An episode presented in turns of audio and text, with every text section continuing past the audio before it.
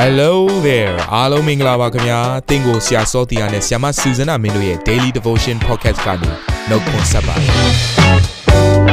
ဆရာနဲ့ဆရာမတို့ရဲ့အသက်တာမှာဘုရားရှင်ပြုတဲ့ကောင်းကြီးမင်္ဂလာများစွာရှိပါတယ်အဲ့ဒီအထက်ကပြန်လဲစီးဆင်းတဲ့နှုတ်ကပတ်တော်ကိုဒီနေ့မှနားထောင်ပြီးခွန်အားယူကြမှာဖြစ်ပါတယ်နေ့စဉ်10မိနစ်လောက်အချိန်ပေးပြီးမိမိရဲ့အသက်တာကိုကောင်းကြီးဖြစ်စေမယ့်ဘုရားသခင်ရဲ့နှုတ်ကပတ်တော်နဲ့နီးလန်းတွေကိုအတူတကွခံယူကြရအောင်ခင်ဗျာ ဘုရားသခင်ရဲ့ကြီးစွာကိုအထူးပဲချီးမွမ်းပါတယ်တပတ်တာလုံးမှာကျမတို့လေ့လာသင်ယူနေတဲ့နှုတ်ကပတ်တော်ကတော့အိမ်တောင်နဲ့သက်ဆိုင်တဲ့ကောင်းကြီးမင်္ဂလာတက်ရောက်ခံစားရဖို့ရန်အတွက်ကျမတို့ခံယူနေကြခြင်းဖြစ်ပါတယ်အဲ့တော့ဒီနေ့မှာတော့အရေးကြီးတဲ့နှုတ်ကပတ်တော်ဖြစ်တဲ့အိမ်တောင်ပြုခြင်းသည်ဗဒိညင်ပြုခြင်းဆိုတဲ့နှုတ်ကပတ်တော်ကိုဆက်လက်ပြီးတော့ဝင်ငှမှာဖြစ်ပါတယ် ကြံခဲ့တဲ့ရက်တွေတုန်းကတော့အလွန်အရေးကြီးတဲ့6ချက်ကိုကျွန်မပြောခဲ့ပါတယ်ပထမတစ်ချက်ကတော့ဒီနေ့အိမ်အောင်ပြုတ်ပွင့်အတွက်ပြင်ဆင်နေတဲ့သူတယောက်ဟာဖရာသခင်အကြံစီတော်ကိုယုံကြည်ရပါမယ်ဆိုတဲ့နှုတ်ကပတ်တော်ကိုဝင်ငှခဲ့ပါတယ်ဒုတိယတစ်ချက်ကတော့ကိုယ့်ရဲ့ခန္ဓာကိုယ်ကိုတန့်ရှင်းစေဖို့ရန်အတွက်ဖရာရဲ့လက်ထဲမှာစက္ကက်အနှံထားရမယ်ဆိုတဲ့အရာကိုလည်းပြောခဲ့ပါတယ်တတိယတစ်ချက်ကတော့မှန်ကန်တဲ့မိတ်ဆွေအပေါင်းအသင်းကိုထားတက်ဖို့ရန်အတွက်လည်းလိုအပ်ကြောင်းကိုပြောခဲ့ပါတယ်စတုထတစ်ချက်ကတော့ကျမတို့ကိုယ့်ရဲ့တန်ဖိုးကိုနားလည်ဖို့ရန်အတွက်လည်းလိုအပ်ကြောင်းကျွန်မဝင်ငှခဲ့တယ်ပြင်ဆင်မတစ်ချက်ကတော့ကိုဟာဖျားပြင်ဆင်ပေးမဲ့နန်ယိုဖျားပြင်ဆင်ပေးမဲ့အိမ်တောင်ဘက်ကိုယုံကြည်ခြင်းနဲ့စောင့်တက်ဖို့ရန်အတွက်လိုအပ်ကြောင်းကိုလည်းပြောခဲ့ပါတယ်ဆတ္တမတစ်ချက်ကတော့ဘာလဲဆိုလို့ရှိရင်တန်ရှင်းသောဝိညာဉ်တော်ဖျားနဲ့မိတ္တဟာယဖွဲ့တက်ဖို့ရန်အတွက်လည်းကျွန်မပြောခဲ့ပါတယ်အဲ့ဒီတော့ဒီ6ချက်ဟာကျွန်တော်တို့အတွက်အရန်အရေးကြီးပါတယ်ဒီနေ့မှာတော့ဆက်လက်ပြီးတော့ဗဒိညင်ပြုခြင်းနဲ့သက်ဆိုင်တဲ့အရာကိုပြောပြချင်ပါတယ်အဲ့တော့ဗဒိညင်ပြုခြင်းဆိုတဲ့အရာက ကျမတို့ contract နဲ့မတူအဲ့တော့ covenant နဲ့ contract ကအရန်ကိုအတိတ်ပဲကွဲပြားလွန်းပါတယ်ပဋိညာဉ်ပြုခြင်းလို့ခေါ်တဲ့အိမ်အောင်ပြုခြင်းဆိုတဲ့အရာကအလွန်နဲ့နေတဲ့အတွက်ကြောင့်မလို့အေဖက်ခန်းကြီး9အခန်းငယ်32မှာဒီလိုဖော်ပြခဲ့ပါတယ်ဤအရာသည်အလွန်နဲ့နေသောအရာဖြစ်ပေ၏ထို့သောငါဆိုသောခရစ်တော်နှင့်အသင်းတော်ကိုရည်မှတ်၍ ဆိုတည်းလို့ပြောထားပါတယ်အိမ်တောင်ပြုခြင်းယောက်ျားနဲ့မိန်းမနှစ်ယောက်ကြားထဲမှာရှိတဲ့ဆက်ဆံခြင်းဆိုတဲ့အရာကခရစ်တော်နဲ့အသင်းတော်နဲ့ကြားထဲမှာရှိတဲ့ relationship ကိုရည်ညွှန်းနေပါတယ်အဲ့ဒီတော့ခရစ်တော်ကကျမတို့ရဲ့အသက်တာထဲမှာတစုံတစ်ခုရလို့သူကအသက်ကိုလာပေးသွားတာမဟုတ်ဘူးဗဒိညင်လာပြုတ်သွားတာမဟုတ်ဘူးကျမတို့ကိုတစ်ဖက်သက်ချစ်လွန်းလို့သူ့ဘက်ကနေပြီးတော့ဗဒိညင်ပြုတ်ခြင်းလို့ခေါ်တဲ့ ပြောင်းလဲလို့မရတဲ့ဂတိကိုဘကိုသူကစတင်ပြီးတော့ပေးခဲ့တာဖြစ်တယ်ဒီလိုပဲအိမ်အောင်ပြုတ်တယ်လို့ပြောတဲ့အခါမှာတစုံတစ်ခုเนาะအမျိုးသမီးစီကအမျိုးသားစီကရလို့ကျမတို့က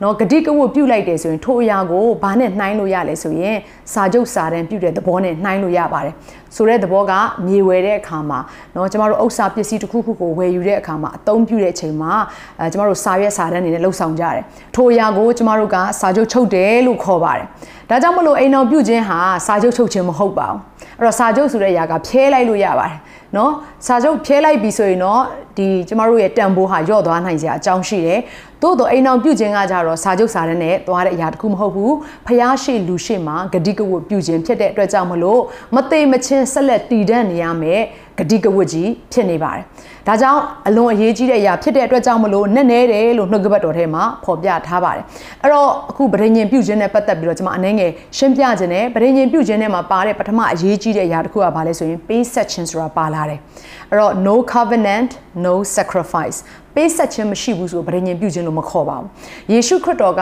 ကျမတို့ကိုချစ်တဲ့အရာကိုတတ်သိပြဖို့ရန်အတွက်ဗဒိညင်ပြုခြင်းကိုပြုတဲ့အခါမှာသူ့ရဲ့အသက်နဲ့သူ့ရဲ့အသွေးနဲ့ကျမတို့အတွက်သူကဗဒိညင်ပြုပေးခဲ့တာဖြစ်ပါတယ်ဒါကြောင့်နားလေစေခြင်းနဲ့ကိုကနေပြီးတော့အိမ်အောင်ဘက်ကိုရွေးချယ်ပြီးပြင်ဆင်ပြီးအိမ်အောင်ပြုတော်မယ်လို့စဉ်းစားတဲ့အခါမှာကိုယ့်ဘက်ကပေးဆက်နိုင်ရဲ့လားတစ်သက်လုံးသူ့ကိုပေးဆက်တဲ့မေတ္တာနဲ့တစ်ဖက်သက်မေတ္တာနဲ့ချစ်နိုင်ရဲ့လားဆိုတဲ့အရာကိုကိုယ့်ကိုယ်ကိုမေးခွန်းထုတ်ဖို့ရတဲ့ဖြစ်တယ်မဟုတ်ဘူးဆိုရင်တော့တင်းရဲ့ချစ်ချင်းမေတ္တာက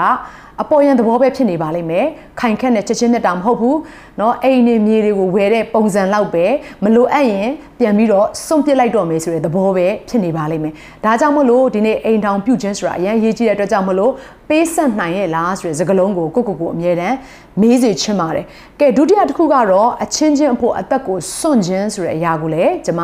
အဲနားလေစေချင်တယ်အိမ်ထောင်ပြုတ်ပြီးဆိုလို့ရှိရင်ကိုကကို့အတွက်အတ္တနဲ့ကိုယ့်ရဲ့အလိုဆန္ဒတစ်ခုတည်းအတွက်နဲ့အိမ်အောင်ပြုရတာမဟုတ်ပါဘူးသူ့အတွက်ပေးဆက်ရုံမကငါရဲ့တဘွားလုံးကိုငါရဲ့အသက်ကိုပဲငါဟာချထားနိုင်တယ်ဆိုတဲ့စိန်ခေါ်မှုကြီးရှိမှပဲ အိမ်တော်ပြုစေချင်ပါတယ်။ဘာဖြစ်လို့လဲယေရှုခရစ်တော်ကအသက်သေပြသွားခဲ့တယ်။အသက်သေတဲ့အထိကိုသူကချစ်ပြသွားတာဖြစ်ပါတယ်။ဒါကြောင့်မလို့ဒီနေ့ကိုကသူ့ရဲ့ဘဝအတွက်သူ့ရဲ့ကောင်းကျိုးအတွက်သူ့ရဲ့တိုးတက်ရေးအတွက်ငါရဲ့ဘဝကိုသူ့ရဲ့ဘဝထဲမှာမြုပ်နှံမယ်ဆိုတဲ့အတွေးခေါ်ရှိမှပဲဒီနေ့အိမ်တော်ပြုဖို့ရန်အတွက်ထိုသူကိုရွေးချယ်ဖို့ရန်အတွက်ကျွန်မတိုက်တွန်းလိုပါတယ်။ အဲ့တော့ဒီညမှာသိရမယ့်အရာတစ်ခုကယောက်ျားနဲ့မိန်းမနှစ်ယောက်ကအသက်ကိုစွန့်ပြီးတော့ချစ်တယ်လို့ပြောတဲ့အခါမှာဘယ်လိုပုံစံနဲ့နှိုင်းရှင်ရမလဲဆိုရင်ငါဟာအရင်တုန်းကတော့ငါအတွက်ငါအသက်ရှင်ခဲ့တယ်သို့တော့ဒီအမျိုးသမီးဒီအမျိုးသားနဲ့ပေါင်းဖော်ပွင့်တယ်ငါပြင်ဆင်တဲ့အခါမှာငါရဲ့စိတ်တော်ရှိပေမဲ့ငါကသူ့အတွက်เนาะသူ့ရဲ့ဘဝထဲကိုဝင်ပြီးတော့အသက်ရှင်ခြင်းကိုအသက်ဆွန့်ခြင်းလို့လည်းခေါ်ပါတယ် အဲ့တော့ဆိုလိုတဲ့အရာက तू တိုးတက်ဖို့ရန်အတွက် तू လှပဖို့ရန်အတွက် तू ကောင်းစားဖို့ရန်အတွက် तू ပျော်ရွှင်ဖို့ရန်အတွက်ကိုကအသက်ရှင်လိုက်တာမလွယ်ပါဘူးအဲ့တော့ကျမတို့ဒါခရစ်ယာန်ရဲ့မင်္ဂလာဆောင်နှင်းခြင်းရဲ့သဘောတဘာပဲဖြစ်ပါတယ်အပြင်မှာတော့လူတွေရဲ့စိတ်နေသဘောထားအမျိုးမျိုးရှိကြတယ်ရယူလိုချင်တဲ့အတွက်ကြောင့်မလို့เนาะသူတို့တွေကအိမ်အောင်ပြုကြတယ်သို့တော့ခရစ်တော်ရဲ့ချစ်ချင်းမြတ်တာနဲ့ရှင်တဲ့ခရစ်ယာန်အိမ်အောင်ကတော့ပေးဆက်ခြင်းလို့အိမ်အောင်ပြုတာပဲရှိပါတယ်။ ဒါကိုနားလည်ပြီဆိုရင်တော့တာယာပြုရှင်တဲ့အိမ်အောင်ကိုတင်ပိုင်ဆိုင်နိုင်မှာဖြစ်ပါတယ်။ကဲ covenant နဲ့ပတ်သက်ပြီးတော့ဗဒိညရဲ့အရေးကြီးတဲ့တတိယအချက်ကတော့ပြောင်းလဲလို့မရတဲ့ဂတိကဝတ်ဖြစ်တယ်ဆိုတဲ့အရာကိုအမြဲတမ်းမှတ်သားစေချင်ပါတယ်။အဲ့တော့ဗဒိညလို့ပြောတဲ့အတွက်ကြောင့်မလို့ပြောင်းလဲလို့မရဘူးဆိုတဲ့အရာကိုအမြဲတမ်းနားလည်စေချင်တယ်။သူကမသေးမချင်းကိုကမသေးမချင်း တယောက်ပေါ်တယောက်ချစ်ချင်းမြတ်တာတွေမပြတ်ဘဲနဲ့ဆုံးခန်းတိုင်အောင်ပေါင်းသင်းနိုင်ဖို့ရအတွက်လည်းလိုအပ်ပါတယ်။ဒါကြောင့်မလို့အမြဲတမ်းမှတ်ထားမယ့်အရာတစ်ခုကဘာလဲဆိုလို့ရှိရင်အိမ်တောင်ပြုခြင်းဆိုတဲ့အရာကစမ်းတက်လို့ရတဲ့အရာမဟုတ်ဘူး။နော်အိမ်အောင်ပြုတ်လိုက်တဲ့အရာတာတစ်ခုကိုငါလိုချင်လို့ဘာပဲပြောပြောနော်ငါစမ်းသက်ကြည့်လိုက်မယ်အကယ်၍အစင်မပြေလဲနောက်တစ်ယောက်ပြောင်းလိုက်မယ်ဆိုတဲ့သဘောတဘာဝက နော်ကျမတို့ခရိယန်ထဲမှာမရှိတဲ့အရာတစ်ခုဖြစ်တယ်ဖခင်ရဲ့သဘောတဘာဝနဲ့ဆန့်ကျင်နေပါတယ်တန့်ရှင်းတဲ့မင်္ဂလာလက်ထပ်ခြင်းကိုပဲဘုရားသခင်နှစ်သက်တယ်နော်လက်ထပ်ပြီးသွားလို့ရှင်လည်းမပြောင်းလဲတဲ့မေတ္တာနဲ့အသက်ဆုံးတိုင်အောင်ချစ်ဖို့ရန်အတွက်ဘုရားသခင်ကအလိုတော်ရှိပါတယ်အဲ့တော့တချို့တချို့သောသူတွေကသူတေသနာလုပ်တယ်လို့စမ်းသက်တယ်လို့နဲ့အိမ်အောင်ပြုကြည့်မယ်ဆိုတဲ့သဘောတဘာဝတွေနဲ့လှုပ်ဆောင်တဲ့အရာတွေရှိတယ်အဲ့တော့အိမ်အောင်က10မက20 20မက30အထိဖြစ်ပျက်သွားတဲ့အရာတွေရှိလာတဲ့အခါမှာဒီနေ့ထိုအရာဟာ ခရစ်တော်ရဲ့ဘုန်းတော်ကိုရှုံချစေတဲ့အရာဖြစ်တယ်။အသင်းတော်နဲ့ခရစ်တော်ရဲ့ဂျားထဲမှာရှိတဲ့မေတ္တာတော်ကိုဖော်ထုတ်နိုင်တဲ့မိသားစုเนาะအိမ်တောင်တွေမဖြစ်လာတော့ပါဘူး။နားလည်စေချင်ပါတယ်ဒီနေ့ညီကောင်မတယောက်ချင်းစီတိုင်းကိုကျမတို့အိမ်တောင်ကတန့်ရှင်းနေမှာကျမတို့အိမ်တောင်ကတကယ့်ကိုခိုင်ခန့်နေမှာကျမတို့ရဲ့အိမ်တောင်ကမပြက်ပြဲမှာပဲအသင်းတော်ဟာခိုင်ခန့်မယ်။အသင်းတော်ဟာမပြက်ပြဲပဲနဲ့တည်တဲ့ဆောင်နဲ့ဆက်ပြီးတော့သွားနိုင်မှာဖြစ်တယ်။ဘာဖြစ်လို့လဲ။ အသင်းတော်ရဲ့အစကအိမ်တော်ပဲဖြစ်နေလို့ပါဒါကြောင့်ဒီနေ့ခရစ်တော်နဲ့အသင်းတော်ရဲ့ဂျားထဲမှာရှိချက်ချင်းမြတ်တာကိုခိုင်ခန့်စွာ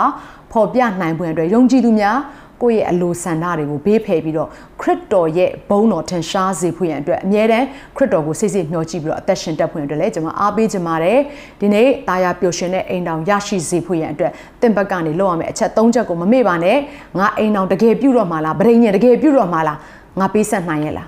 နှစ်တစ်ချက်ငါအသက်ဆုံးနိုင်ရဲ့လား သုံးတစ်ချက်ငါတစ်သက်လုံးမပြောင်းမလဲပဲနဲ့သူ့အပေါ်မှာသစ္စာရှိနိုင်ရဲ့လားဆိုတဲ့အရာကိုမေးခွန်းထုတ်ပြီးတော့မှပဲဒီနေ့အိမ်အောင်တစ်ခုကိုအဲစုံဖတ်ဖို့ရတဲ့ကျွန်မအကြံပြုလိုပါတယ်အရောက်ချင်းစီတိုင်းကိုဘုရားသခင်အထူးကောင်းချီးပေးပါစေအခုချိန်မှာအရောက်ချင်းစီတိုင်းအတွက်ကျွန်မအထူးဆုတောင်းပေးလိုပါတယ်အသက်တာအသီးသီးကိုစက္ကန့်အနှံကြပါစို့အသက်ရှင်သောဖရာကောင်းမြတ်သောဖရာဂတိတည်တော်မူသောဖရာကိုရောကိုယေရှုတင်တယ်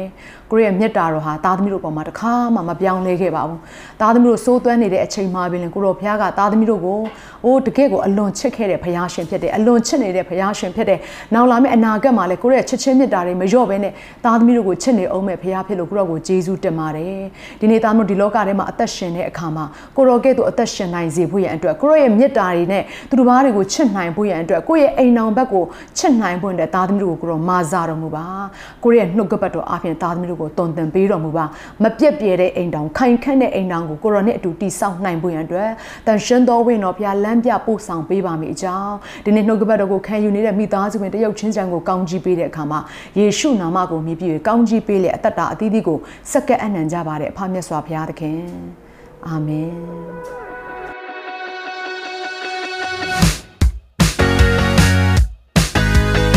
နာတော်တာစင်သူတိုင်းရဲ့အသက်တာမှာကောင်းကြီးဖြစ်မယ်ဆိုတာကိုကျွန်တော်ယုံကြည်ပါတယ်။သင်ရဲ့အသက်တာအတွက်များစွာသော resource တွေနဲ့ update တွေကို Facebook နဲ့ YouTube platform တွေမှာလည်းကျွန်တော်တို့ပြင်ဆင်ထားပါတယ်။ Facebook နဲ့ YouTube တွေမှာဆိုရင် search box ထဲမှာစုစွမ်းနာမင်းလို့ရိုက်ထည့်လိုက်တဲ့အခါအပြရောင်အမှန်ချစ်ထားတဲ့ Facebook page နဲ့ YouTube channel ကိုတွေ့ရှိမှာဖြစ်ပါတယ်။နောက်ကဘတော်တွေကိုဗီဒီယိုအားဖြင့်လည်းခွန်အားယူနိုင်ဖို့ရန်အတွက်အစင်သစ်ပြင်ဆင်ထားပါတယ်။ကျွန်တော်တို့ဝီဉ္ဉေရေးရာအတွက်အထူးလိုအပ်တဲ့ဖွံ့ပြခြင်းတွေနဲ့ခွန်အားတွေကိုရယူလိုက်ပါ။ နောက်ရက်များမှာပြန်ဆုံတွေ့ကြအောင်ခင်ဗျာ